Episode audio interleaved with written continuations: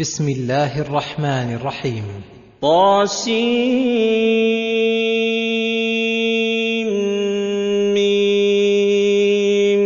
تلك آيات الكتاب المبين. يشير الباري تعالى إشارة تدل على التعظيم لآيات الكتاب المبين البين الواضح الدال على جميع المطالب الإلهية والمقاصد الشرعية. بحيث لا يبقى عند الناظر فيه شك ولا شبهة فيما أخبر به أو حكم به لوضوحه ودلالته على أشرف المعاني وارتباط الأحكام بحكمها وتعليقها بمناسبها. فكان رسول الله صلى الله عليه وسلم ينذر به الناس ويهدي به الصراط المستقيم فيهتدي بذلك عباد الله المتقون ويعرض عنه من كتب عليه الشقاء. فكان يحزن حزنا شديدا على عدم إيمانهم حرصا منه على الخير. ونصحا لهم. فلهذا قال تعالى عنه لعلك باخع نفسك ألا يكونوا مؤمنين. لعلك باخع نفسك أي مهلكها وشاق عليها. ألا يكونوا مؤمنين.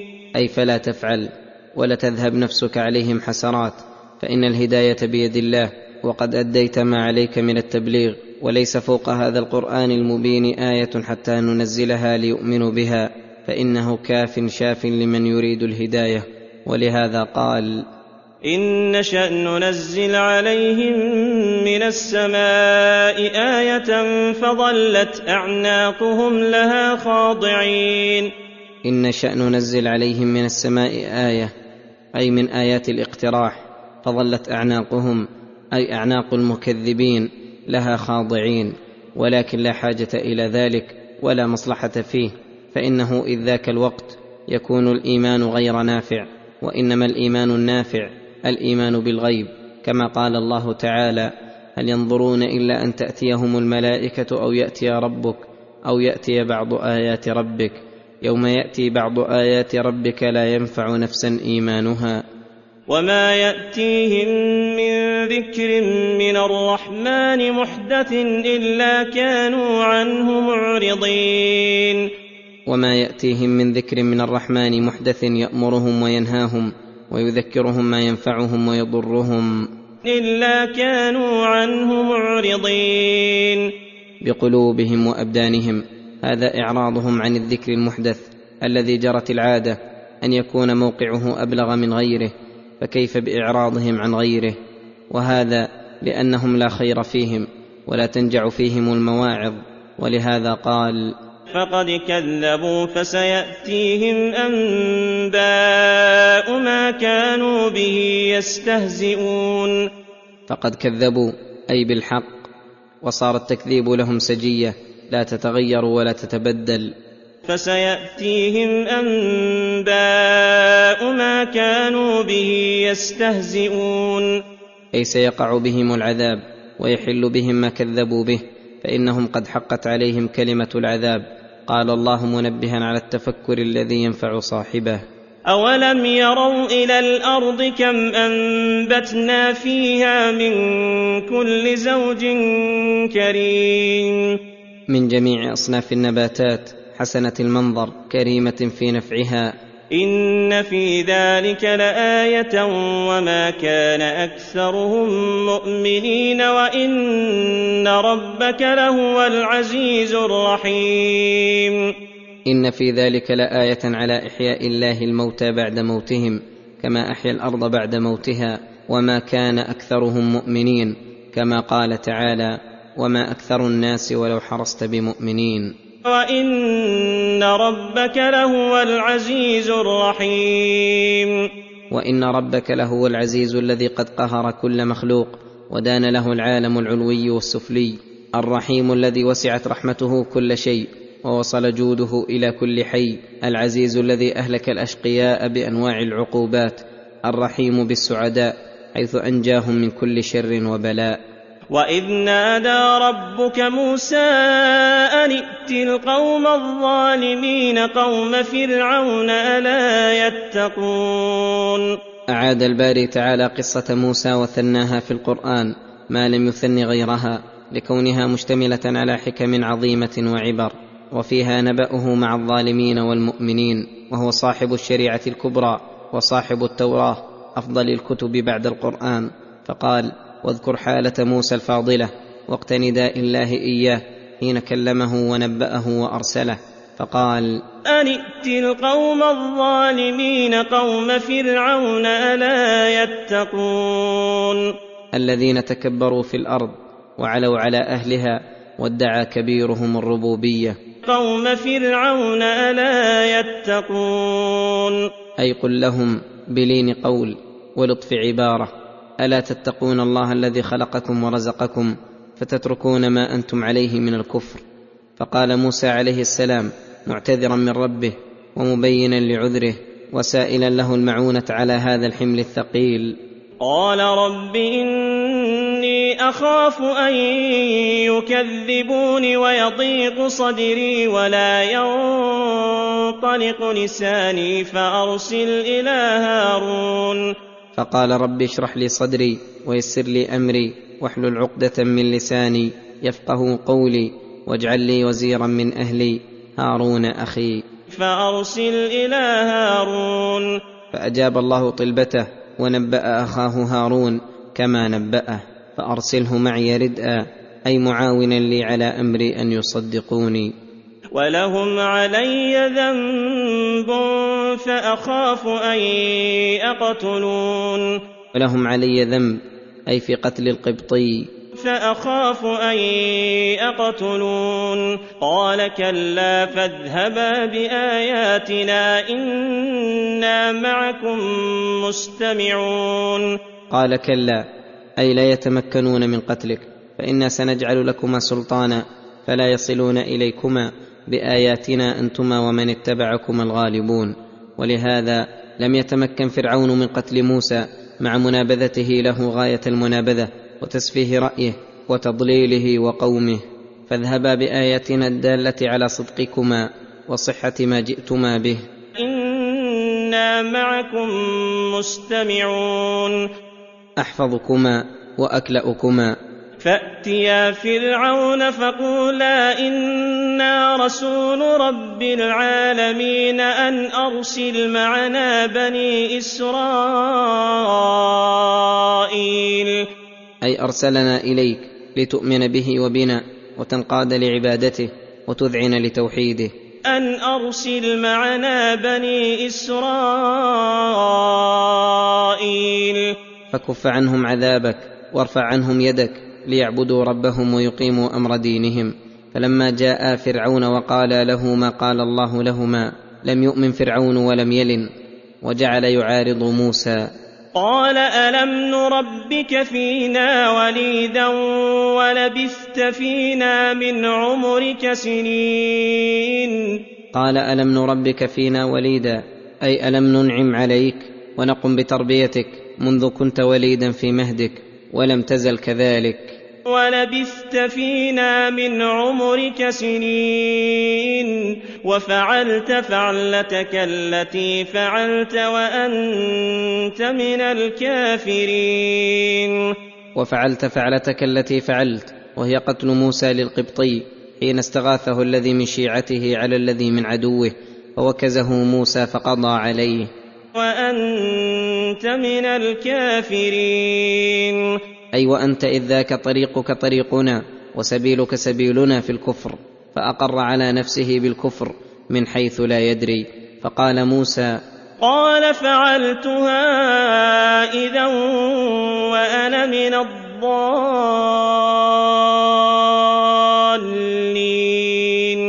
أي عن غير كفر وإنما كان عن ضلال وسفه. فاستغفرت ربي فغفر لي. ففررت منكم لما خفتكم فوهب لي ربي حكما وجعلني من المرسلين. ففررت منكم لما خفتكم حين تراجعتم بقتلي فهربت إلى مدين ومكثت سنين ثم جئتكم.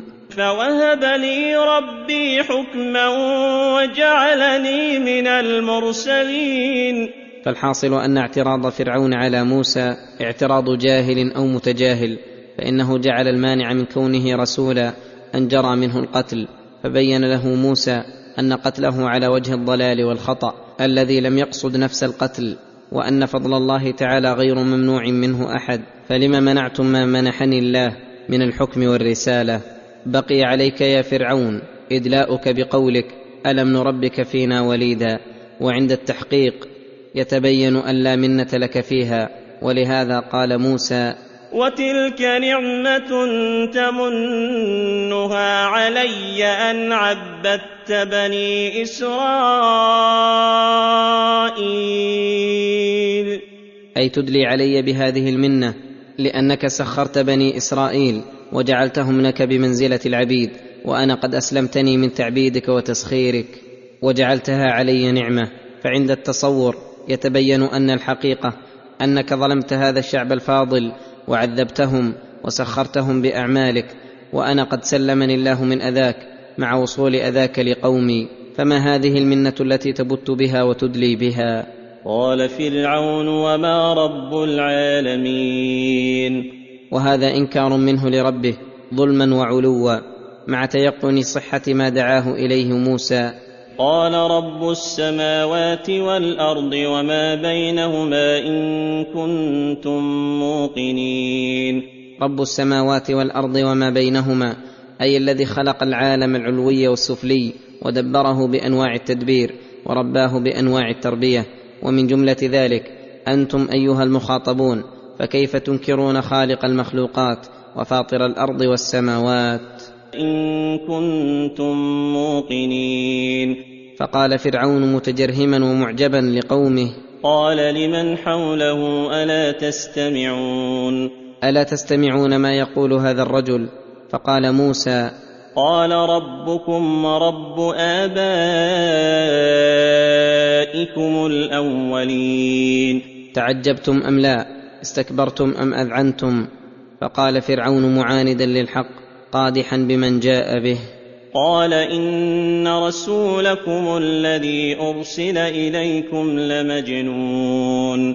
حيث قال خلاف ما نحن عليه وخالفنا فيما ذهبنا إليه فالعقل عنده وأهل العقل. من زعموا أنهم لم يخلقوا أو أن السماوات والأرض ما زالتا موجودتين من غير موجد وأنهم بأنفسهم خلقوا من غير خالق والعقل عنده أن يعبد المخلوق الناقص من جميع الوجوه والجنون عنده أن يثبت الرب الخالق للعالم العلوي والسفلي والمنعم بالنعم الظاهرة والباطنة ويدعو إلى عبادته وزين لقومه هذا القول وكانوا سفهاء الأحلام خفيفي العقول. فاستخف قومه فأطاعوه إنهم كانوا قوما فاسقين. فقال موسى عليه السلام مجيبا لإنكار فرعون وتعطيله لرب العالمين. قال رب المشرق والمغرب وما بينهما إن كنتم تعقلون.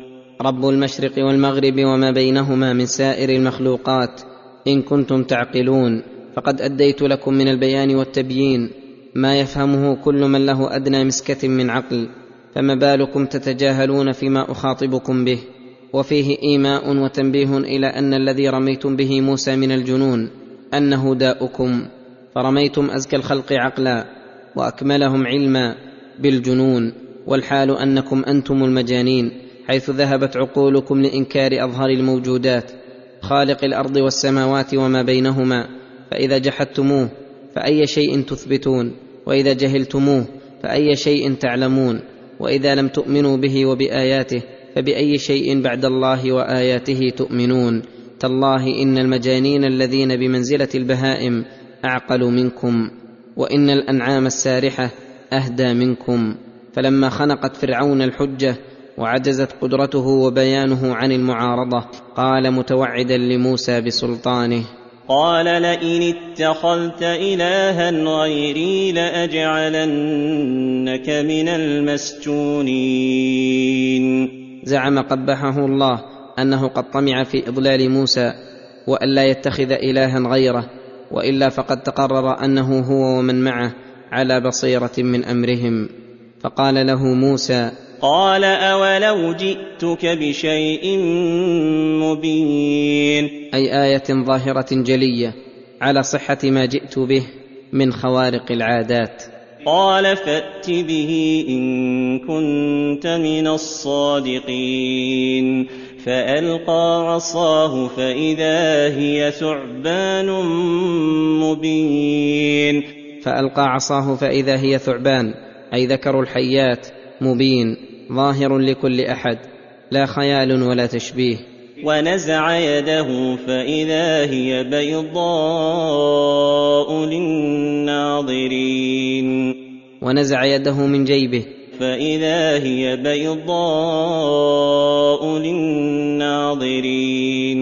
أي لها نور عظيم لا نقص فيها لمن نظر إليها. قال للملأ حوله إن هذا لساحر عليم. قال فرعون للملأ حوله معارضا للحق ومن جاء به. إن هذا لساحر عليم. يريد أن يخرجكم من أرضكم بسحره فماذا تأمرون؟ موه عليهم لعلمه بضعف عقولهم. أن هذا من جنس ما يأتي به السحرة لأنه من المتقرر عندهم أن السحرة يأتون من العجائب بما لا يقدر عليه الناس وخوفهم أن قصده بهذا السحر التوصل إلى إخراجهم من وطنهم ليجدوا ويجتهدوا في معاداة من يريد إجلاءهم عن أولادهم وديارهم. فماذا تأمرون؟ فماذا تأمرون أن نفعل به؟ قالوا أرجه وأخاه وابعث في المدائن حاشرين. قالوا أرجه وأخاه أي أخرهما وابعث في المدائن حاشرين جامعين للناس. يأتوك بكل سحار عليم. يأتوك أولئك الحاشرون بكل سحار عليم. أي ابعث في جميع مدنك. التي هي مقر العلم ومعدن السحر. من يجمع لك كل ساحر ماهر عليم في سحره فإن الساحر يقابل بسحر من جنس سحره. وهذا من لطف الله أن يري العباد بطلان ما موه به فرعون الجاهل الضال المضل أن ما جاء به موسى سحر. قيضهم أن جمعوا أهل المهارة بالسحر لينعقد المجلس عن حضرة الخلق العظيم. فيظهر الحق على الباطل ويقر أهل العلم وأهل الصناعة بصحة ما جاء به موسى وأنه ليس بسحر فعمل فرعون برأيهم فأرسل في المدائن من يجمع السحرة واجتهد في ذلك وجد. فجمع السحرة لميقات يوم معلوم. قد وعدهم إياه موسى وهو يوم الزينة الذي يتفرغون فيه من أشغالهم. وقيل للناس هل أنتم مجتمعون؟ أي نودي بعموم الناس بالاجتماع في ذلك اليوم الموعود. لعلنا نتبع السحرة إن كانوا هم الغالبين. أي قالوا للناس اجتمعوا لتنظروا غلبة السحرة لموسى وأنهم ماهرون في صناعتهم فنتبعهم ونعظمهم ونعرف فضيلة علم السحر فلو وفقوا للحق لقالوا لعلنا نتبع المحق منهم ولنعرف الصواب فلذلك ما أفاد فيهم ذلك إلا قيام الحجة عليهم. فلما جاء السحرة قالوا لفرعون أئن لنا لأجرا إن كنا نحن الغالبين. فلما جاء السحرة ووصلوا لفرعون قالوا له أئن لنا لأجرا إن كنا نحن الغالبين. إن لنا لأجرا إن كنا نحن الغالبين لموسى. قال نعم وإنكم إذا لمن المقربين. قال نعم لكم أجر وثواب وإنكم إذا لمن المقربين عندي. وعدهم الأجر والقربة منه ليزداد نشاطهم. ويأتوا بكل مقدورهم في معارضة ما جاء به موسى. قال لهم موسى ألقوا ما أنتم ملقون. فلما اجتمعوا للموعد هم وموسى وأهل مصر وعظهم موسى وذكرهم وقال ويلكم لا تفتروا على الله كذبا فيسحتكم بعذاب وقد خاب من افترى. فتنازعوا وتخاصموا ثم شجعهم فرعون وشجع بعضهم بعضا. قال لهم موسى ألقوا ما أنتم ملقون. أي ألقوا كل ما في خواطركم إلقاؤه ولم يقيده بشيء دون شيء لجزمه ببطلان ما جاءوا به من معارضة الحق. فألقوا حبالهم وعصيهم وقالوا بعزة فرعون إنا لنحن الغالبون. فألقوا حبالهم وعصيهم فإذا هي حيات تسعى. وسحروا بذلك أعين الناس. وقالوا بعزة فرعون إنا لنحن الغالبون. فاستعانوا بعزة عبد ضعيف عاجز من كل وجه إلا أنه قد تجبر وحصل له صورة ملك وجنود فغرتهم تلك الأبهة. ولم تنفذ بصائرهم إلى حقيقة الأمر أو أن هذا قسم منهم بعزة فرعون والمقسم عليه أنهم غالبون. فألقى موسى عصاه فإذا هي تلقف ما يأفكون. فألقى موسى عصاه فإذا هي تلقف تبتلع وتأخذ ما يأفكون. فالتفت جميع ما ألقوا من الحبال والعصي لأنها إفك وكذب وزور وذلك كله باطل لا يقوم للحق ولا يقاومه. فلما رأى السحرة هذه الآية العظيمة تيقنوا لعلمهم أن هذا ليس بسحر. وإنما هو آية من آيات الله ومعجزة تنبئ بصدق موسى وصحة ما جاء به. فألقي السحرة ساجدين قالوا آمنا برب العالمين. فألقي السحرة ساجدين لربهم. قالوا آمنا برب العالمين. رب موسى وهارون. وانقمع الباطل في ذلك المجمع. وأقر رؤساؤه ببطلانه ووضح الحق وظهر حتى رأى ذلك الناظرون بأبصارهم ولكن أبى فرعون إلا عتوا وضلالا وتماديا في غيه وعنادا فقال للسحرة قال آمنتم له قبل أن آذن لكم إنه لكبيركم الذي علمكم السحر فلسوف تعلمون. آمنتم له قبل أن آذن لكم يتعجب ويعجب قومه من جراءتهم عليه وإقدامهم على الإيمان من غير إذنه ومؤامرته. إنه لكبيركم الذي علمكم السحر. هذا وهو الذي جمع السحرة وملأه الذين أشاروا عليه بجمعهم من مدائنهم. وقد علموا أنهم ما اجتمعوا بموسى ولا رأوه قبل ذلك وأنهم جاءوا من السحر بما يحير الناظرين ويهيلهم. ومع ذلك فراج عليهم هذا القول الذي هم بأنفسهم وقفوا على بطلانه. فلا يستنكر على أهل هذه العقول الا يؤمنوا بالحق الواضح والآيات الباهرة لأنهم لو قال لهم فرعون عن أي شيء كان إنه على خلاف حقيقته صدقوه. ثم توعد السحرة فقال لأقطعن أيديكم وأرجلكم من خلاف ولأصلبنكم أجمعين. لأقطعن أيديكم وأرجلكم من خلاف أي اليد اليمنى والرجل اليسرى كما يفعل بالمفسد في الأرض. ولأصلبنكم أجمعين. لتختزوا وتذلوا فقال السحرة حين وجدوا حلاوة الإيمان وذاقوا لذته. قالوا لا ضير إنا إلى ربنا منقلبون. لا ضير أي لا نبالي بما توعدتنا به. إنا إلى ربنا منقلبون. إنا نطمع أن يغفر لنا ربنا خطايانا إن كنا أول المؤمنين. إنا نطمع أن يغفر لنا ربنا خطايانا من الكفر والسحر وغيرهما. أن كنا أول المؤمنين. أن كنا أول المؤمنين بموسى من هؤلاء الجنود فثبتهم الله وصبرهم. فيحتمل أن فرعون فعل بهم ما توعدهم به لسلطانه واقتداره إذ ذاك. ويحتمل أن الله منعه منهم ثم لم يزل فرعون وقومه مستمرين على كفرهم. يأتيهم موسى بالايات البينات وكلما جاءتهم آية وبلغت منهم كل مبلغ وعدوا موسى وعاهدوه لئن كشف الله عنهم ليؤمنن به وليرسلن معه بني إسرائيل فيكشفه الله ثم ينكثون. فلما يئس موسى من إيمانهم وحقت عليهم كلمة العذاب وآن لبني إسرائيل أن ينجيهم من أسرهم ويمكن لهم في الأرض أوحى الله إلى موسى. وأوحينا إلى موسى أن أسر بعبادي إنكم متبعون. أن أسر بعبادي أي يخرج ببني إسرائيل أول الليل ليتمادوا ويتمهلوا في ذهابهم. إنكم متبعون. أي سيتبعكم فرعون وجنوده ووقع كما أخبر فإنهم لما أصبحوا وإذا بنو إسرائيل قد سروا كلهم مع موسى. فأرسل فرعون في المدائن حاشرين.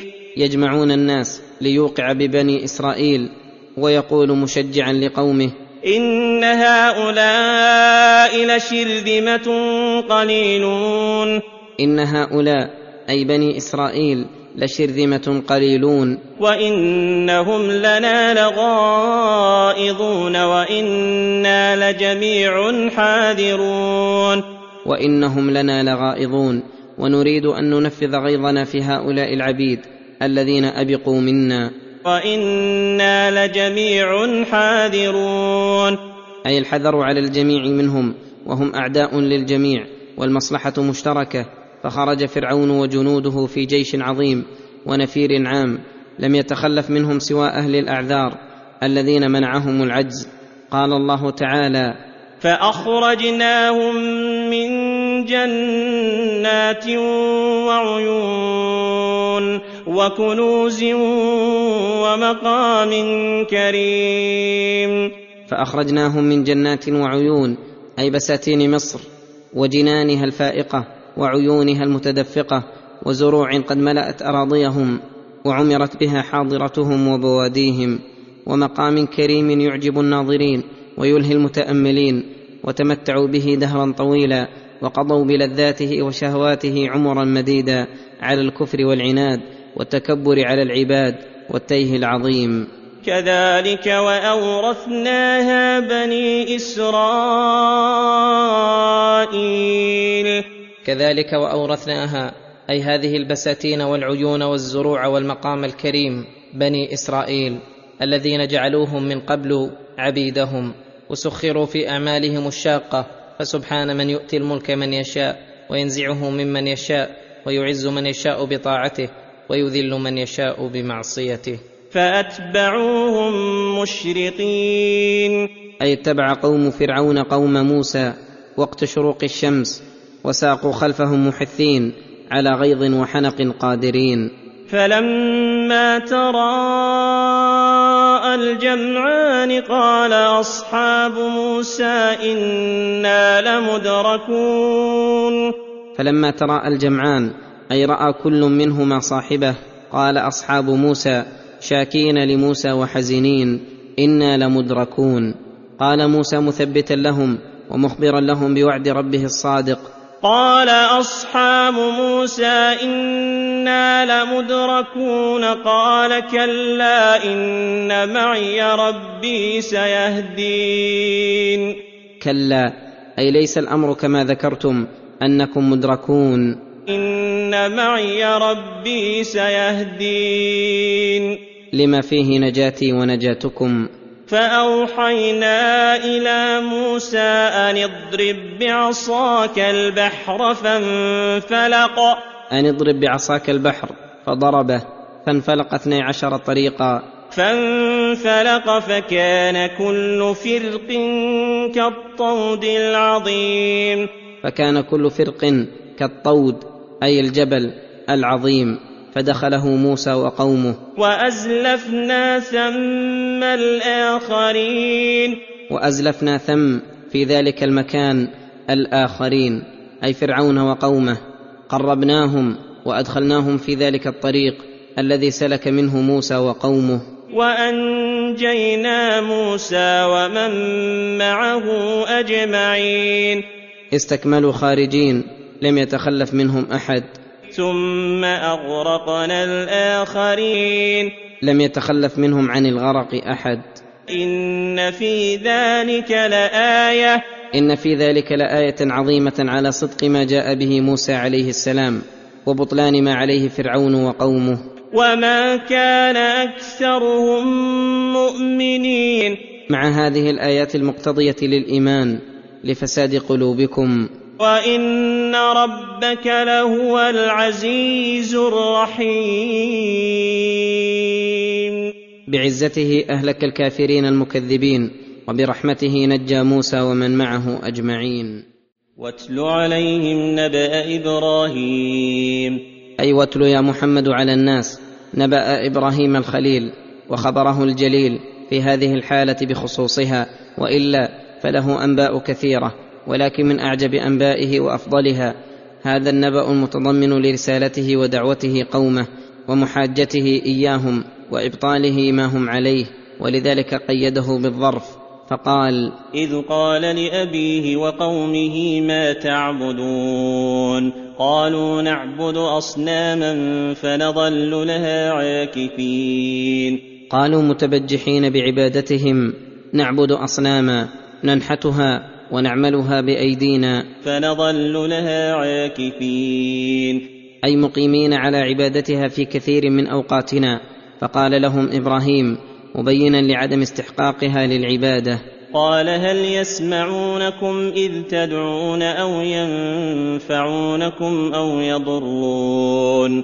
هل يسمعونكم إذ تدعون؟ فيستجيبون دعاءكم ويفرجون كربكم ويزيلون عنكم كل مكروه. أو ينفعونكم أو يضرون فأقروا أن ذلك كله غير موجود فيها فلا تسمع دعاء ولا تنفع ولا تضر. ولهذا لما كسرها وقال بل فعله كبيرهم هذا فاسألوهم إن كانوا ينطقون قالوا له لقد علمت ما هؤلاء ينطقون أي هذا أمر متقرر من حالها لا يقبل الإشكال والشك فلجأوا إلى تقليد آبائهم الضالين فقالوا قالوا بل وجدنا آباءنا كذلك يفعلون. فتبعناهم على ذلك وسلكنا سبيلهم وحافظنا على عاداتهم. فقال لهم إبراهيم أنتم وآباؤكم كلكم خصوم في هذا الأمر والكلام مع الجميع واحد. قال أفرأيتم ما كنتم تعبدون أنتم وآباؤكم الأقدمون فإنهم عدو لي إلا رب العالمين. فإنهم عدو لي فليضروني بأدنى شيء من الضرر وليكيدوني فلا يقدرون إلا رب العالمين. الذي خلقني فهو يهدين. هو المنفرد بنعمة الخلق ونعمة الهداية للمصالح الدينية والدنيوية ثم خصص منها بعض الضروريات فقال والذي هو يطعمني ويسقين وإذا مرضت فهو يشفين والذي يميتني ثم يحيين. والذي أطمع أن يغفر لي خطيئتي يوم الدين. فهذا هو وحده المنفرد بذلك فيجب أن يفرد بالعبادة والطاعة وتترك هذه الأصنام التي لا تخلق ولا تهدي ولا تمرض ولا تشفي ولا تطعم ولا تسقي ولا تميت ولا تحيي ولا تنفع عابديها بكشف الكروب ولا مغفرة الذنوب. فهذا دليل قاطع وحجة باهرة لا تقدرون أنتم وأباؤكم على معارضتها فدل على اشتراككم في الضلال وترككم طريق الهدى والرشد.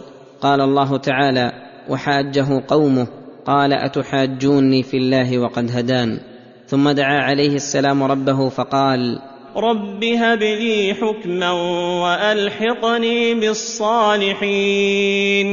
رب هب لي حكما أي علما كثيرا أعرف به الأحكام والحلال والحرام. وأحكم به بين الأنام. وألحقني بالصالحين. من إخوانه الأنبياء والمرسلين. واجعل لي لسان صدق في الآخرين. أي اجعل لي ثناء صدق مستمر إلى آخر الدهر. فاستجاب الله دعاءه فوهب له من العلم والحكم ما كان به من أفضل المرسلين. وألحقه بإخوانه المرسلين وجعله محبوبا مقبولا. معظما مثنى عليه في جميع الملل في كل الأوقات. قال تعالى وتركنا عليه في الآخرين. سلام على إبراهيم. إنا كذلك نجزي المحسنين. إنه من عبادنا المؤمنين. واجعلني من ورثة جنة النعيم.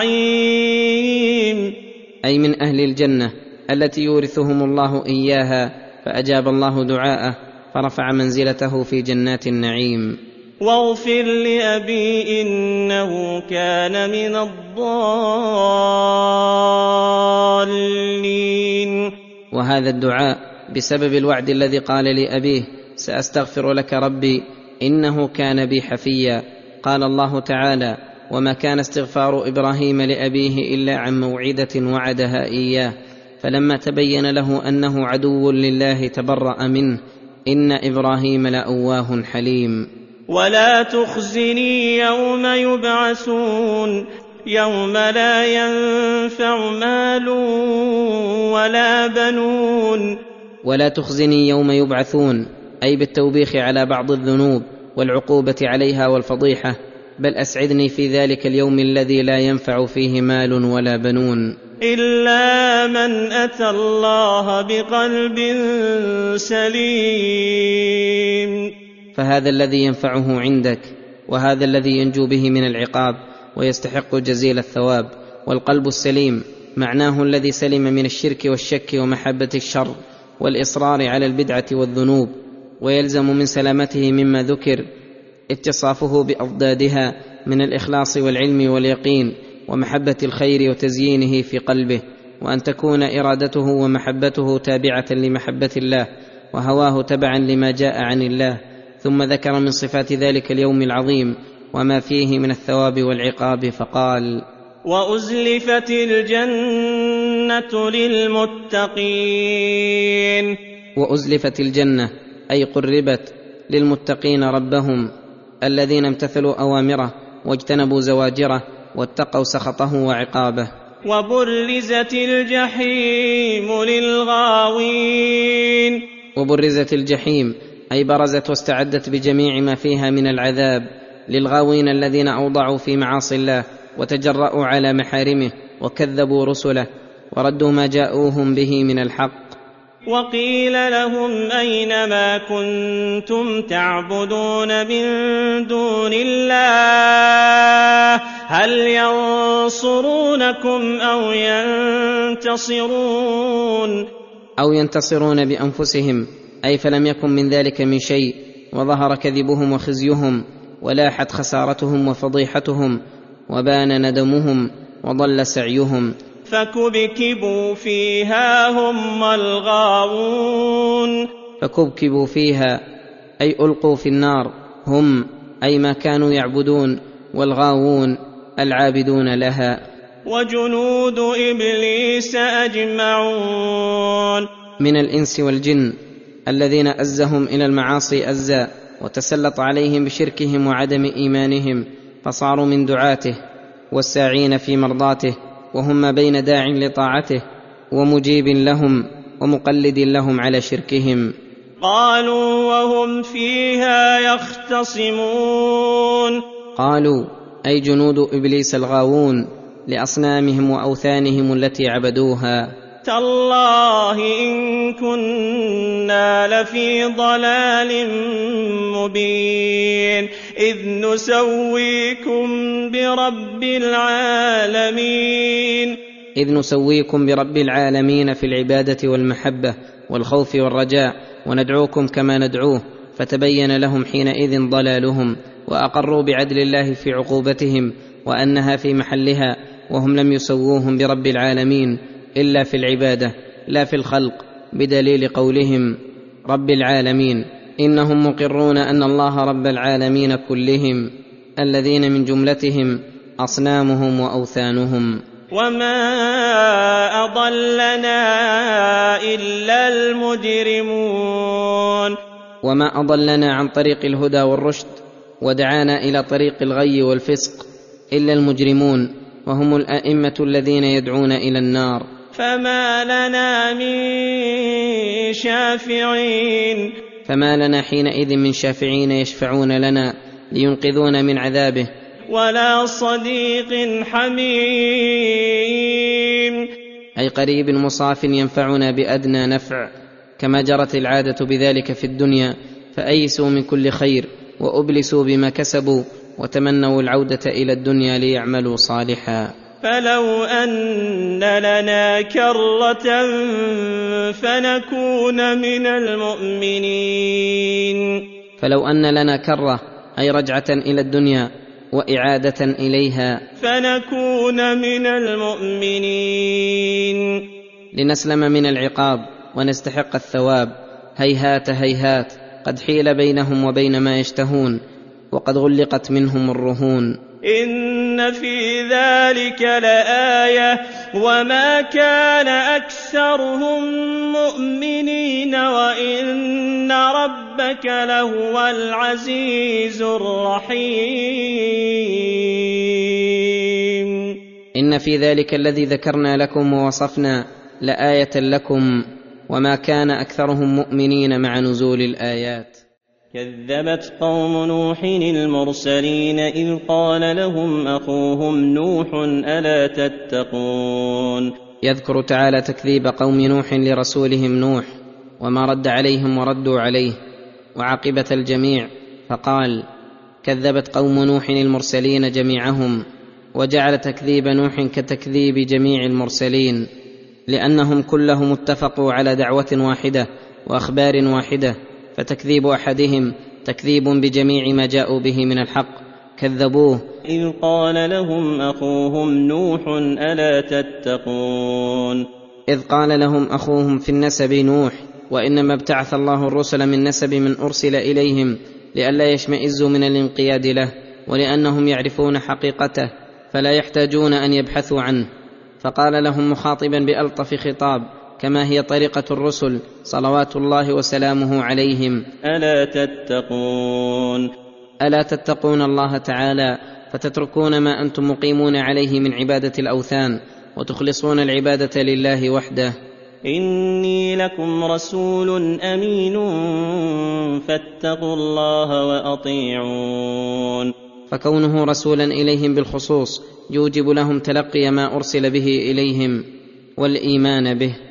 وأن يشكروا الله تعالى على أن خصهم بهذا الرسول الكريم وكونه أمينا يقتضي أنه لا يتقول على الله ولا يزيد في وحيه ولا ينقص وهذا يوجب لهم التصديق بخبره والطاعة لأمره. فاتقوا الله وأطيعون. فاتقوا الله وأطيعوني فيما آمركم به وأنهاكم عنه فإن هذا هو الذي يترتب على كونه رسولا إليهم أمينا فلذلك رتبه بالفاء الدالة على السبب فذكر السبب الموجب ثم ذكر انتفاء المانع فقال وما أسألكم عليه من أجر إن أجري إلا على رب العالمين. وما اسالكم عليه من اجر فتتكلفون من المغرم الثقيل ان اجري الا على رب العالمين. ارجو بذلك القرب منه والثواب الجزيل. واما أنتم فمنيتي ومنتهى إرادتي منكم النصح لكم وسلوككم الصراط المستقيم. فاتقوا الله وأطيعون.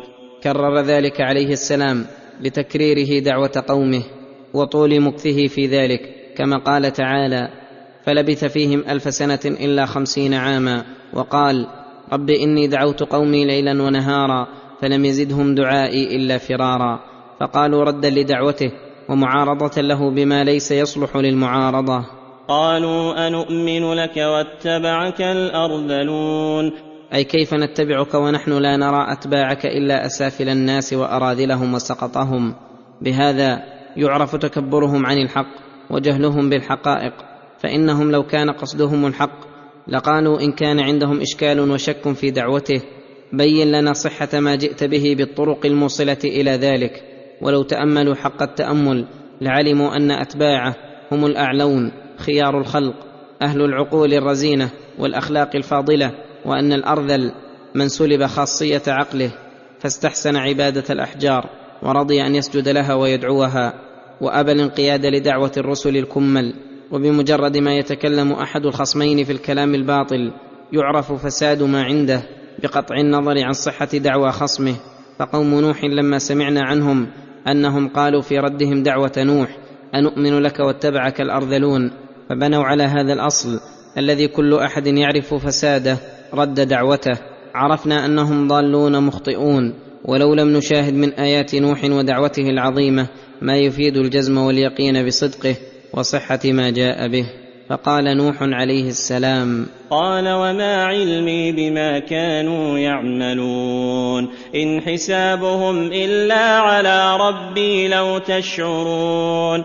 أي أعمالهم وحسابهم على الله إنما علي التبليغ وأنتم دعوهم عنكم إن كان ما جئتكم به الحق فانقادوا له وكل له عمله. وما أنا بطارد المؤمنين ان أنا الا نذير مبين وما أنا بطارد المؤمنين كانهم قبحهم الله طلبوا منه ان يطردهم عنه تكبرا وتجبرا ليؤمنوا فقال وما أنا بطارد المؤمنين فانهم لا يستحقون الطرد والاهانه وانما يستحقون الاكرام القولي والفعلي كما قال تعالى وإذا جاءك الذين يؤمنون بآياتنا فقل سلام عليكم كتب ربكم على نفسه الرحمة. إن أنا إلا نذير مبين. أي ما أنا إلا منذر ومبلغ عن الله ومجتهد في نصح العباد وليس لي من الأمر شيء إن الأمر إلا لله. فاستمر نوح عليه الصلاة والسلام على دعوتهم ليلا ونهارا سرا وجهارا فلم يزدادوا إلا نفورا. قالوا لئن لم تنته يا نوح لتكونن من المرجومين. قالوا لئن لم تنته يا نوح من دعوتك إيانا إلى الله وحده لتكونن من المرجومين. أي لنقتلك شر قتله بالرمي بالحجارة كما يقتل الكلب فتبا لهم ما أقبح هذه المقابلة يقابلون الناصح الأمين الذي هو أشفق عليهم من أنفسهم. بشر مقابلة. لا جرم لما انتهى ظلمهم واشتد كفرهم. دعا عليهم نبيهم بدعوة أحاطت بهم. فقال رب لا تذر على الأرض من الكافرين ديارا. وهنا قال رب إن قومي كذبون. فافتح بيني وبينهم فتحا ونجني ومن معي من المؤمنين. فافتح بيني وبينهم فتحا. أي أهلك الباغي منا. وهو يعلم أنهم البغاة الظلمة ولهذا قال ونجني ومن معي من المؤمنين. فأنجيناه ومن معه في الفلك المشحون. فأنجيناه ومن معه في الفلك أي السفينة المشحون من الخلق والحيوانات. ثم أغرقنا بعد الباقين. ثم أغرقنا بعد أي بعد نوح ومن معه من المؤمنين. الباقين أي جميع قومه. إن في ذلك لآية وما كان أكثرهم مؤمنين. إن في ذلك أي نجاة نوح وأتباعه وإهلاك من كذبه لآية دالة على صدق رسلنا وصحة ما جاءوا به وبطلان ما عليه أعداؤهم المكذبون بهم. وإن ربك لهو العزيز الرحيم. وإن ربك لهو العزيز الذي قهر بعزه أعداءه فأغرقهم بالطوفان الرحيم بأوليائه حيث نجى نوحا ومن معه من أهل الإيمان. كذبت عاد المرسلين إذ قال لهم أخوهم هود ألا تتقون؟ أي كذبت القبيلة المسماة عادا رسولهم هودا وتكذيبهم له تكذيب لغيره لاتفاق الدعوة. إذ قال لهم أخوهم هود ألا تتقون؟ إذ قال لهم أخوهم في النسب هود بلطف وحسن خطاب ألا تتقون الله فتتركون الشرك وعبادة غيره. إني لكم رسول أمين فاتقوا الله وأطيعون. أي أرسلني الله إليكم رحمة بكم واعتناء بكم وأنا أمين. تعرفون ذلك مني؟ رتب على ذلك قوله. فاتقوا الله وأطيعون. أي أدوا حق الله تعالى وهو التقوى وأدوا حقي بطاعتي فيما آمركم به وأنهاكم عنه. فهذا موجب لأن تتبعوني وتطيعوني وليس ثم مانع يمنعكم من الإيمان.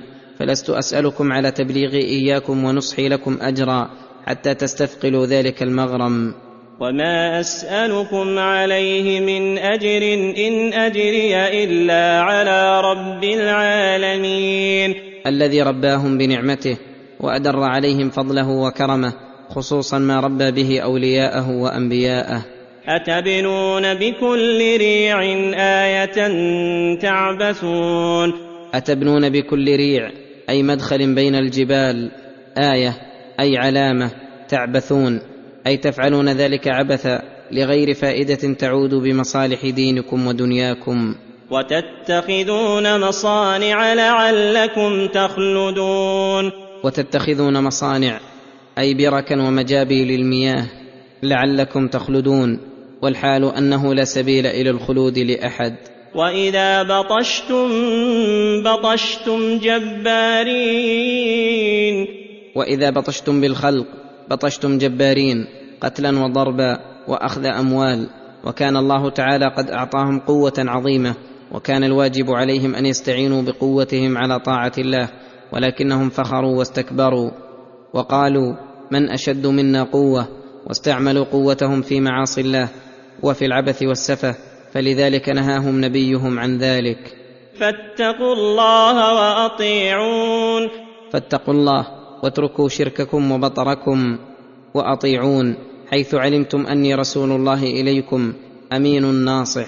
واتقوا الذي أمدكم بما تعلمون. واتقوا الذي أمدكم أي أعطاكم بما تعلمون أي أمدكم بما لا يجهل ولا ينكر من الإنعام. أمدكم بأنعام وبنين وجنات وعيون. أمدكم بأنعام من إبل وبقر وغنم وبنين أي وكثرة نسل كثر أموالكم وكثر أولادكم خصوصا الذكور أفضل القسمين.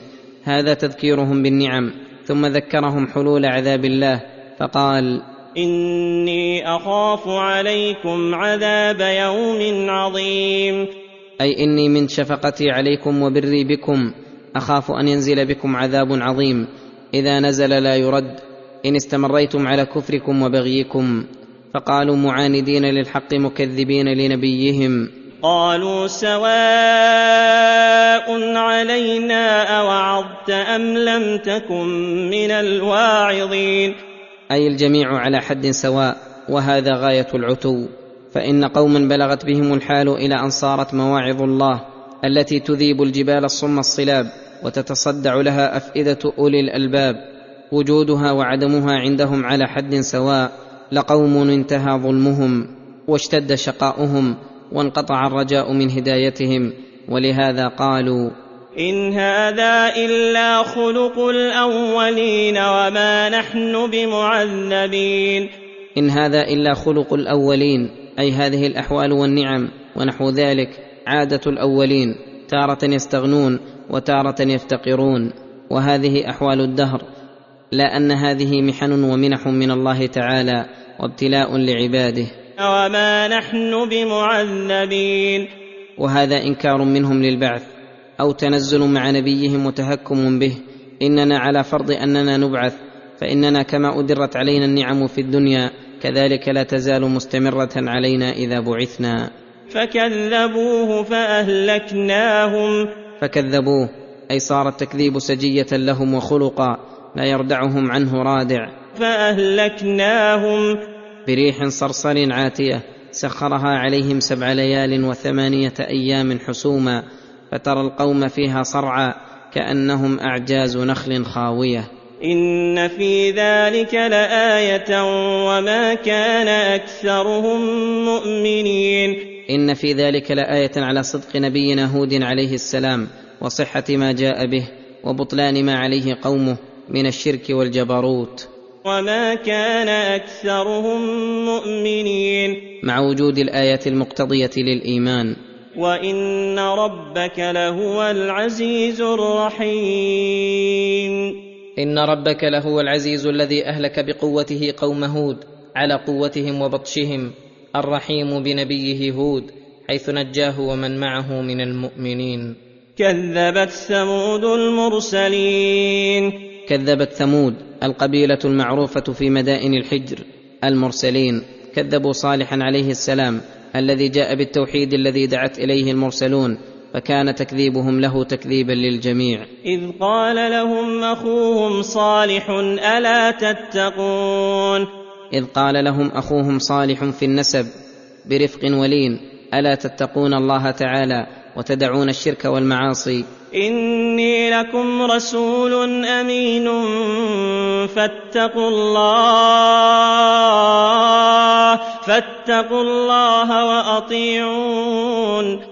إني لكم رسول من الله ربكم أرسلني إليكم لطفا بكم ورحمة فتلقوا رحمته بالقبول وقابلوها بالإذعان. آمين.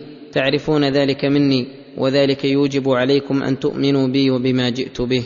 وما أسألكم عليه من أجر إن أجري إلا على رب العالمين. وما أسألكم عليه من أجر فتقولون يمنعنا من اتباعك. أنك تريد أخذ أموالنا إن أجري إلا على رب العالمين أي لا أطلب الثواب إلا منه. أتتركون فيما هاهنا آمنين في جنات وعيون وزروع ونخل طلعها هضيم. أي نضيد كثير أي أتحسبون أنكم تتركون في هذه الخيرات والنعم سدى. تتنعمون وتمتعون كما تتمتع الأنعام وتتركون سدى. لا تؤمرون ولا تنهون وتستعينون بهذه النعم على معاصي الله. وتنحتون من الجبال بيوتا فارهين. أي بلغت بكم الفراهة والحذق إلى أن اتخذتم بيوتا من الجبال الصم الصلاب. فاتقوا الله وأطيعون ولا تطيعوا أمر المسرفين. الذين تجاوزوا الحد. الذين يفسدون في الأرض ولا يصلحون. أي الذين وصفهم ودأبهم الإفساد في الأرض بعمل المعاصي والدعوة إليها إفسادا لا إصلاح فيه وهذا أضر ما يكون لأنه شر محض. وكأن اناسا عندهم مستعدون لمعارضة نبيهم موضعون في الدعوة لسبيل الغي فنهاهم صالح عن الاغترار بهم ولعلهم الذين قال الله فيهم وكان في المدينة تسعة رهط يفسدون في الأرض ولا يصلحون فلم يفد فيهم هذا النهي والوعظ شيئا فقالوا لصالح قالوا إنما أنت من المسحرين. أي قد سحرت فأنت تهذي بما لا معنى له. ما أنت إلا بشر مثلنا. أي فأي فضيلة فقتنا بها حتى تدعونا إلى اتباعك؟ فأت بآية إن كنت من الصادقين.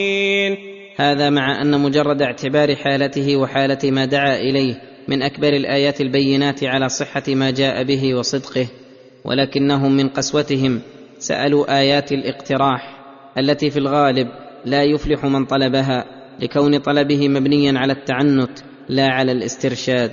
فقال صالح قال هذه ناقة لها شرب ولكم شرب يوم معلوم. هذه ناقة تخرج من صخرة صماء ملساء ترونها وتشاهدونها بأجمعكم.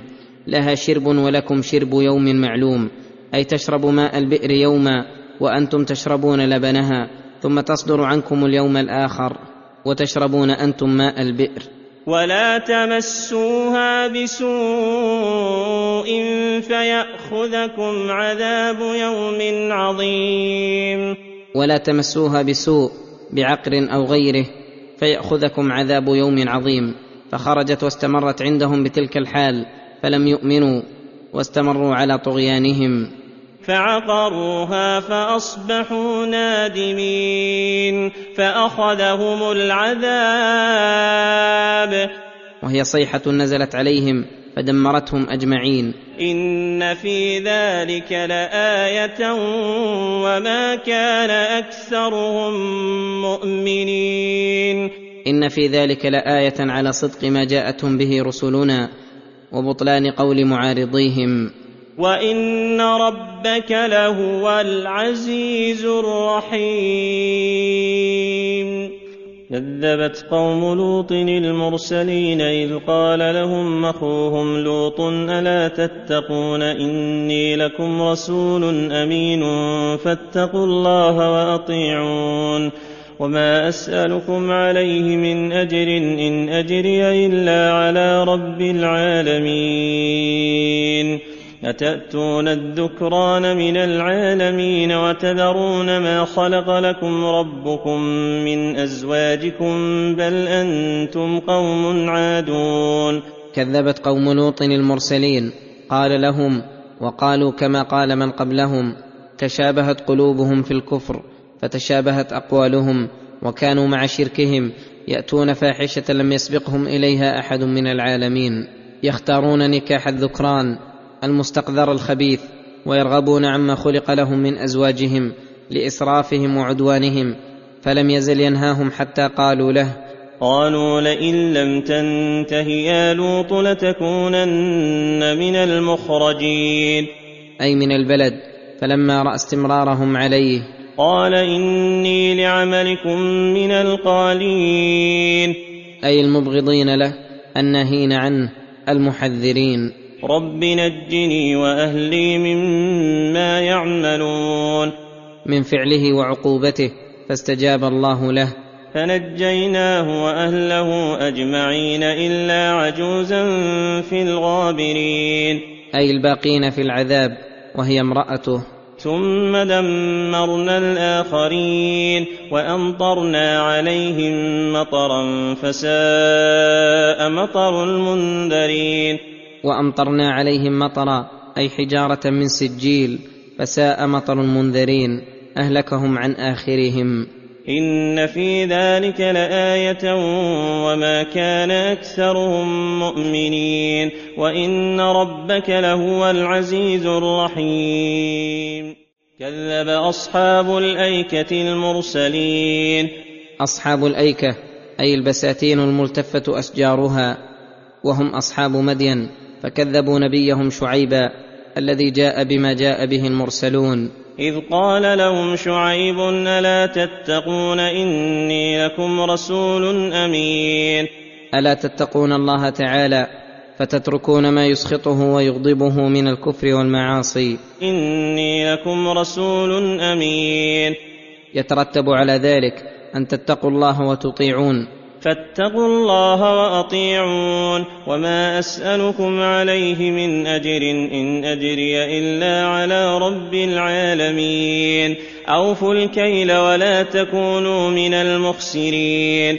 وكانوا مع شركهم يبخسون المكاييل والموازين فلذلك قال لهم أوفوا الكيل أي أتموه وأكملوه ولا تكونوا من المخسرين الذين ينقصون الناس أموالهم ويسلبونها. ببخس المكيال والميزان. وزنوا بالقسطاس المستقيم. أي بالميزان العادل الذي لا يميل. ولا تبخسوا الناس أشياءهم ولا تعثوا في الأرض مفسدين. واتقوا الذي خلقكم والجبلة الأولين. أي الخليقة الأولين. فكما انفرد بخلقكم وخلق من قبلكم من غير مشارك له في ذلك. فأفردوه بالعبادة والتوحيد وكما أنعم عليكم بالإيجاد والإمداد بالنعم فقابلوه بشكره قالوا له مكذبين له رادين لقوله قالوا إنما أنت من المسحرين. فأنت تهدي وتتكلم كلام المسحور التي غايته الا يؤاخذ به. وما أنت إلا بشر مثلنا وإن نظنك لمن الكاذبين. وما أنت إلا بشر مثلنا فليس فيك فضيلة اختصصت بها علينا حتى تدعونا إلى اتباعك وهذا مثل قول من قبلهم ومن بعدهم ممن عارضوا الرسل بهذه الشبهة التي لم يزالوا يدلون بها ويصولون ويتفقون عليها لاتفاقهم على الكفر وتشابه قلوبهم. وقد أجابت عنها الرسل بقولهم إن نحن إلا بشر مثلكم ولكن الله يمن على من يشاء من عباده. وان نظنك لمن الكاذبين وهذا جراءة منهم وظلم وقول زور. قد انطووا على خلافه فانه ما من رسول من الرسل. واجه قومه ودعاهم وجادلهم وجادلوه إلا وقد أظهر الله على يديه من الآيات ما به يتيقنون صدقه وأمانته خصوصا شعيبا عليه السلام الذي يسمى خطيب الأنبياء لحسن مراجعته قومه ومجادلتهم بالتي هي أحسن. فإن قومه قد تيقنوا صدقه وأن ما جاء به حق ولكن إخبارهم عن ظن كذبه كذب منهم. فأسقط علينا كسفا من السماء إن كنت من الصادقين. فأسقط علينا كسفا من السماء أي قطع عذاب تستأصلنا. إن كنت من الصادقين. كقول إخوانهم وإذ قالوا اللهم إن كان هذا هو الحق من عندك فأمطر علينا حجارة من السماء أو ائتنا بعذاب أليم أو أنهم طلبوا بعض آيات الاقتراح التي لا يلزم تتميم مطلوب من سألها. قال شعيب عليه السلام قال ربي أعلم بما تعملون. أي نزول العذاب ووقوع آيات الاقتراح لست أنا الذي آتي بها وأنزلها بكم وليس علي إلا تبليغكم ونصحكم وقد فعلت. وإنما الذي يأتي بها ربي العالم بأعمالكم وأحوالكم الذي يجازيكم ويحاسبكم. فكذبوه فأخذهم عذاب يوم الظلة. فكذبوه أي صار التكذيب لهم وصفا والكفر لهم ديدنا بحيث لا تفيدهم الآيات وليس بهم حيلة إلا نزول العذاب. فأخذهم عذاب يوم الظلة أظلتهم سحابة فاجتمعوا تحتها مستلذين لظلها غير الظليل. فأحرقتهم بالعذاب فظلوا تحتها خامدين ولديارهم مفارقين ولدار الشقاء والعذاب نازلين. إنه كان عذاب يوم عظيم. لا كرة لهم إلى الدنيا فيستأنف العمل ولا يفتر عنهم العذاب ساعة ولا هم ينظرون. إن في ذلك لآية وما كان أكثرهم مؤمنين. إن في ذلك لآية دالة على صدق شعيب وصحة ما دعا إليه وبطلان رد قومه عليه وما كان أكثرهم مؤمنين مع رؤيتهم الآيات لأنهم لا زكاء فيهم ولا خير لديهم وما أكثر الناس ولو حرصت بمؤمنين. وإن ربك لهو العزيز الرحيم. وإن ربك لهو العزيز الذي امتنع بقوته عن إدراك أحد وقهر كل مخلوق. الرحيم الذي الرحمة وصفه. ومن آثارها جميع الخيرات في الدنيا والآخرة من حين أوجد الله العالم إلى ما نهاية له ومن عزته أن أهلك أعداءه حين كذبوا رسله ومن رحمته أن نجى أولياءه ومن اتبعهم من المؤمنين. وإنه لتنزيل رب العالمين نزل به الروح الأمين على قلبك لتكون من المنذرين. لما ذكر قصص الأنبياء مع أممهم وكيف دعوهم وما ردوا عليهم به وكيف أهلك الله أعداءهم وصارت لهم العاقبة. ذكر هذا الرسول الكريم والنبي المصطفى العظيم وما جاء به من الكتاب الذي فيه هداية لأولي الألباب. فقال وإنه لتنزيل رب العالمين فالذي أنزله فاطر الأرض والسماوات المربي جميع العالم العلوي والسفلي. وكما أنه رباهم بهدايتهم لمصالح دنياهم وأبدانهم فإنه يربيهم أيضا بهدايتهم لمصالح دينهم وأخراهم ومن أعظم ما رباهم به إنزال هذا الكتاب الكريم الذي اشتمل على الخير الكثير والبر الغزير وفيه من الهداية لمصالح الدارين والأخلاق الفاضلة ما ليس في غيره وفي قوله وإنه لتنزيل رب العالمين من تعظيمه وشدة الاهتمام فيه من كونه نزل من الله لا من غيره. مقصودا فيه نفعكم وهدايتكم. نزل به الروح الأمين وهو جبريل عليه السلام الذي هو أفضل الملائكة وأقواهم الأمين الذي قد أمن أن يزيد فيه أو ينقص. على قلبك يا محمد. لتكون من المنذرين. تهدي به إلى طريق الرشاد وتنذر به عن طريق الغي. بلسان عربي مبين.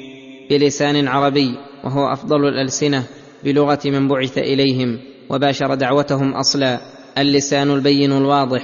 وتأمل كيف اجتمعت هذه الفضائل الفاخرة في هذا الكتاب الكريم. فإنه أفضل الكتب. نزل به أفضل الملائكة. على أفضل الخلق. على أفضل بضعة فيه وهي قلبه. على أفضل أمة أخرجت للناس. بأفضل الألسنة وأفصحها وأوسعها. وهو اللسان العربي المبين. وإنه لفي زبر الأولين. أي قد بشرت به كتب الأولين وصدقته وهو لما نزل طبق ما أخبرت به صدقها بل جاء بالحق وصدق المرسلين. أولم يكن لهم آية أن يعلمه علماء بني إسرائيل؟ أولم يكن لهم آية على صحته وأنه من الله أن يعلمه علماء بني إسرائيل؟ الذي قد انتهى إليهم العلم وصاروا أعلم الناس وهم أهل الصنف فإن كل شيء يحصل به اشتباه يرجع فيه إلى أهل الخبرة والدراية فيكون قولهم حجة على غيرهم كما عرف السحرة الذين مهروا في علم السحر صدق معجزة موسى وأنه ليس بسحر فقول الجاهلين بعد هذا لا يؤبه به. ولو نزلناه على بعض الأعجمين ولو نزلناه على بعض الأعجمين الذين لا يفقهون لسانهم ولا يقدرون على التعبير لهم كما ينبغي. فقرأه عليهم ما كانوا به مؤمنين. فقرأه عليهم ما كانوا به مؤمنين. يقولون ما نفقه ما يقول ولا ندري ما يدعو إليه. فليحمدوا ربهم أن جاءهم على لسان أفصح الخلق وأقدرهم على التعبير عن المقاصد بالعبارات الواضحة وأنصحهم. وليبادروا إلى التصديق به وتلقيه بالتسليم والقبول ولكن تكذيبهم له عن غير شبهة إن هو إلا محض الكفر والعناد. وأمر قد توارثته الأمم المكذبة فلهذا قال كذلك سلكناه في قلوب المجرمين. أي أدخلنا التكذيب وأنظمناه في قلوب أهل الإجرام كما يدخل السلك في الإبرة فتشربته وصار وصفا لها وذلك بسبب ظلمهم وجرمهم. فلذلك لا يؤمنون به حتى يروا العذاب الأليم. لا يؤمنون به حتى يروا العذاب الأليم. على تكذيبهم. فيأتيهم بغتة وهم لا يشعرون. أي يأتيهم على حين غفلة وعدم إحساس منهم ولا استشعار بنزوله ليكون أبلغ في عقوبتهم والنكال بهم.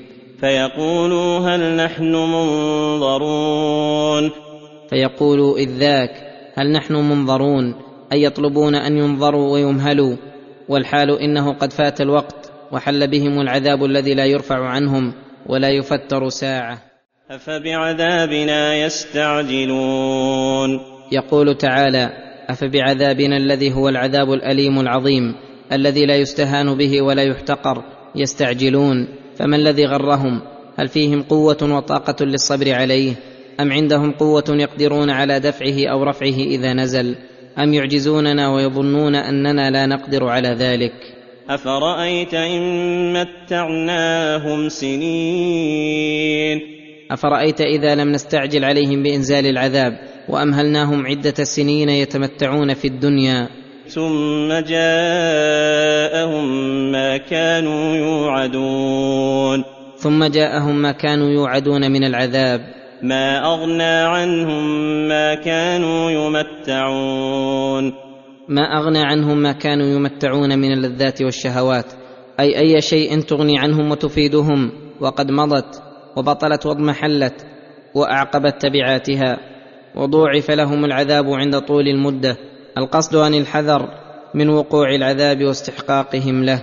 وأما تعجيله أو تأخيره فلا أهمية تحته ولا جدوى عنده. وما اهلكنا من قريه الا لها منذرون يخبر تعالى عن كمال عدله في اهلاك المكذبين وانه ما اوقع بقريه هلاكا وعذابا الا بعد ان يعذر منهم ويبعث فيهم النذر بالايات البينات ويدعونهم إلى الهدى وينهونهم عن الردى ويذكرونهم بايات الله وينبهونهم على ايامه في نعمه ونقمه ذكرى وما كنا ظالمين.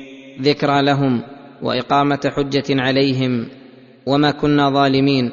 فنهلك القرى قبل أن ننذرهم ونأخذهم وهم غافلون عن النذر. كما قال تعالى وما كنا معذبين حتى نبعث رسولا. رسلا مبشرين ومنذرين لئلا يكون للناس على الله حجة بعد الرسل. ولما بين تعالى كمال القرآن وجلالته نزهه عن كل صفة نقص وحماه وقت نزوله وبعد نزوله من شياطين الجن والإنس.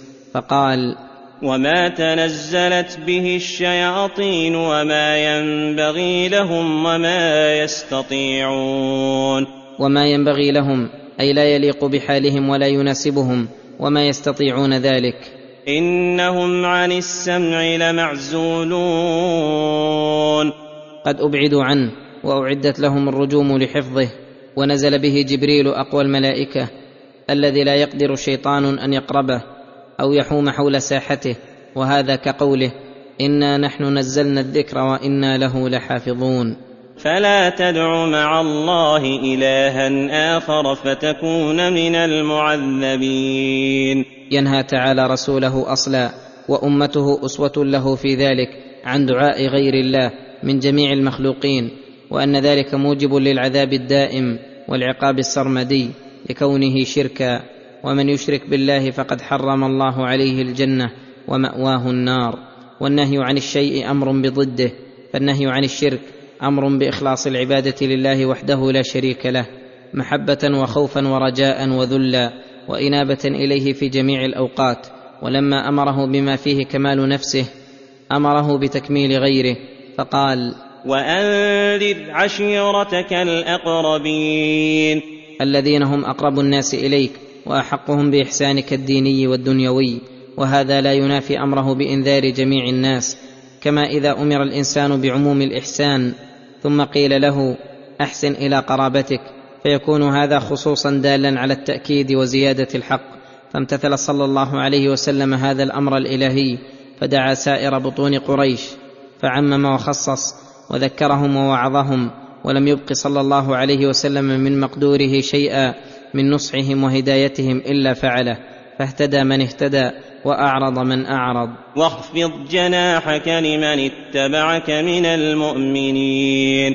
بلين جانبك ولطف خطابك لهم وتوددك وتحببك إليهم وحسن خلقك والإحسان التام بهم. وقد فعل صلى الله عليه وسلم ذلك. قال تعالى فبما رحمة من الله لنت لهم. ولو كنت فظا غليظ القلب لانفضوا من حولك. فاعف عنهم واستغفر لهم وشاورهم في الأمر. فهذه أخلاقه صلى الله عليه وسلم أكمل الأخلاق التي يحصل بها من المصالح العظيمة ودفع المضار ما هو مشاهد.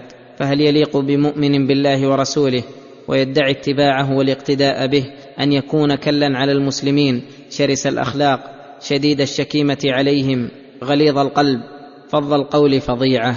وإن رأى منهم معصية أو سوء أدب هجرهم ومقتهم وأبغضهم لا لين عنده ولا أدب لديه ولا توفيق. قد حصل من هذه المعاملة من المفاسد وتعطيل المصالح ما حصل ومع ذلك تجده محتقرا لمن اتصف بصفات الرسول الكريم. قد رماه بالنفاق والمداهنة وقد كمل نفسه ورفعها وأعجب بعمله. فهل هذا إلا من جهله وتزيين الشيطان وخدعه له؟ ولهذا قال الله لرسوله فان عصوك فقل اني بريء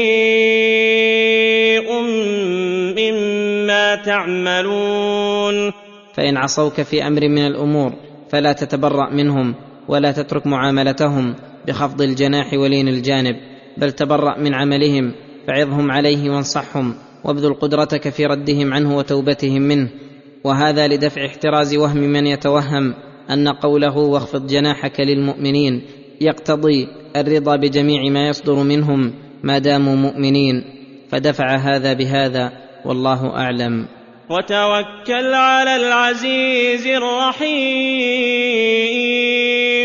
أعظم مساعد للعبد على القيام بما أمر به الاعتماد على ربه والاستعانة بمولاه على توفيقه للقيام بالمأمور فلذلك أمر الله تعالى بالتوكل عليه. فقال وتوكل على العزيز الرحيم. والتوكل هو اعتماد القلب على الله تعالى في جلب المنافع ودفع المضار مع ثقته به وحسن ظنه بحصول مطلوبه فإنه عزيز رحيم بعزته يقدر على إيصال الخير ودفع الشر عن عبده وبرحمته به يفعل ذلك ثم نبهه على الاستعانة باستحضار قرب الله والنزول في منزل الإحسان. فقال الذي يراك حين تقوم وتقلبك في الساجدين. ان يراك في هذه العبادة العظيمة التي هي الصلاة وقت قيامك وتقلبك راكعا وساجدا خصها بالذكر لفضلها وشرفها ولأن من استحضر فيها قرب ربه خشع وذل وأكملها وبتكميلها يكمل سائر عمله ويستعين بها على جميع أموره. إنه هو السميع العليم. إنه هو السميع لسائر الأصوات على اختلافها وتشتتها وتنوعها العليم الذي أحاط بالظواهر والبواطن والغيب والشهادة فاستحضار العبد رؤية الله له في جميع أحواله وسمعه لكل ما ينطق به وعلمه بما ينطوي عليه قلبه من الهم والعزم والنيات مما يعينه على منزلة الإحسان. هل أنبئكم على من تنزل الشياطين؟ تنزل على كل أفاك أثيم. يلقون السمع وأكثرهم كاذبون. هذا جواب لمن قال من مكذب الرسول إن محمدا ينزل عليه الشيطان. وقول من قال إنه شاعر فقال هل أنبئكم على من تنزل الشياطين؟ هل أنبئكم أي أخبركم الخبر الحقيقي الذي لا شك فيه ولا شبهة على من تنزل الشياطين أي بصفة الأشخاص الذين تنزل عليهم الشياطين؟ تنزل على كل أفاك أثيم. تنزل على كل أفاك أي كذاب كثير القول للزور والإفك بالباطل أثيم في فعله.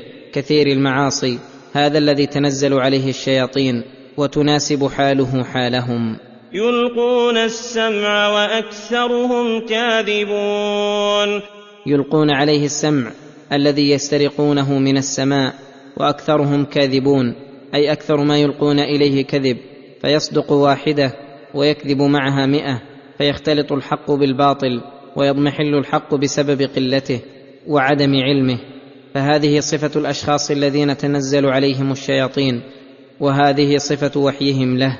وأما محمد صلى الله عليه وسلم فحاله مباينة لهذه الأحوال أعظم مباينة لأنه الصادق الأمين البار الراشد الذي جمع بين بر القلب وصدق اللهجة ونزاهة الأفعال من المحرم. والوحي الذي ينزل عليه من عند الله ينزل محروسا محفوظا مشتملا على الصدق العظيم الذي لا شك فيه ولا ريب.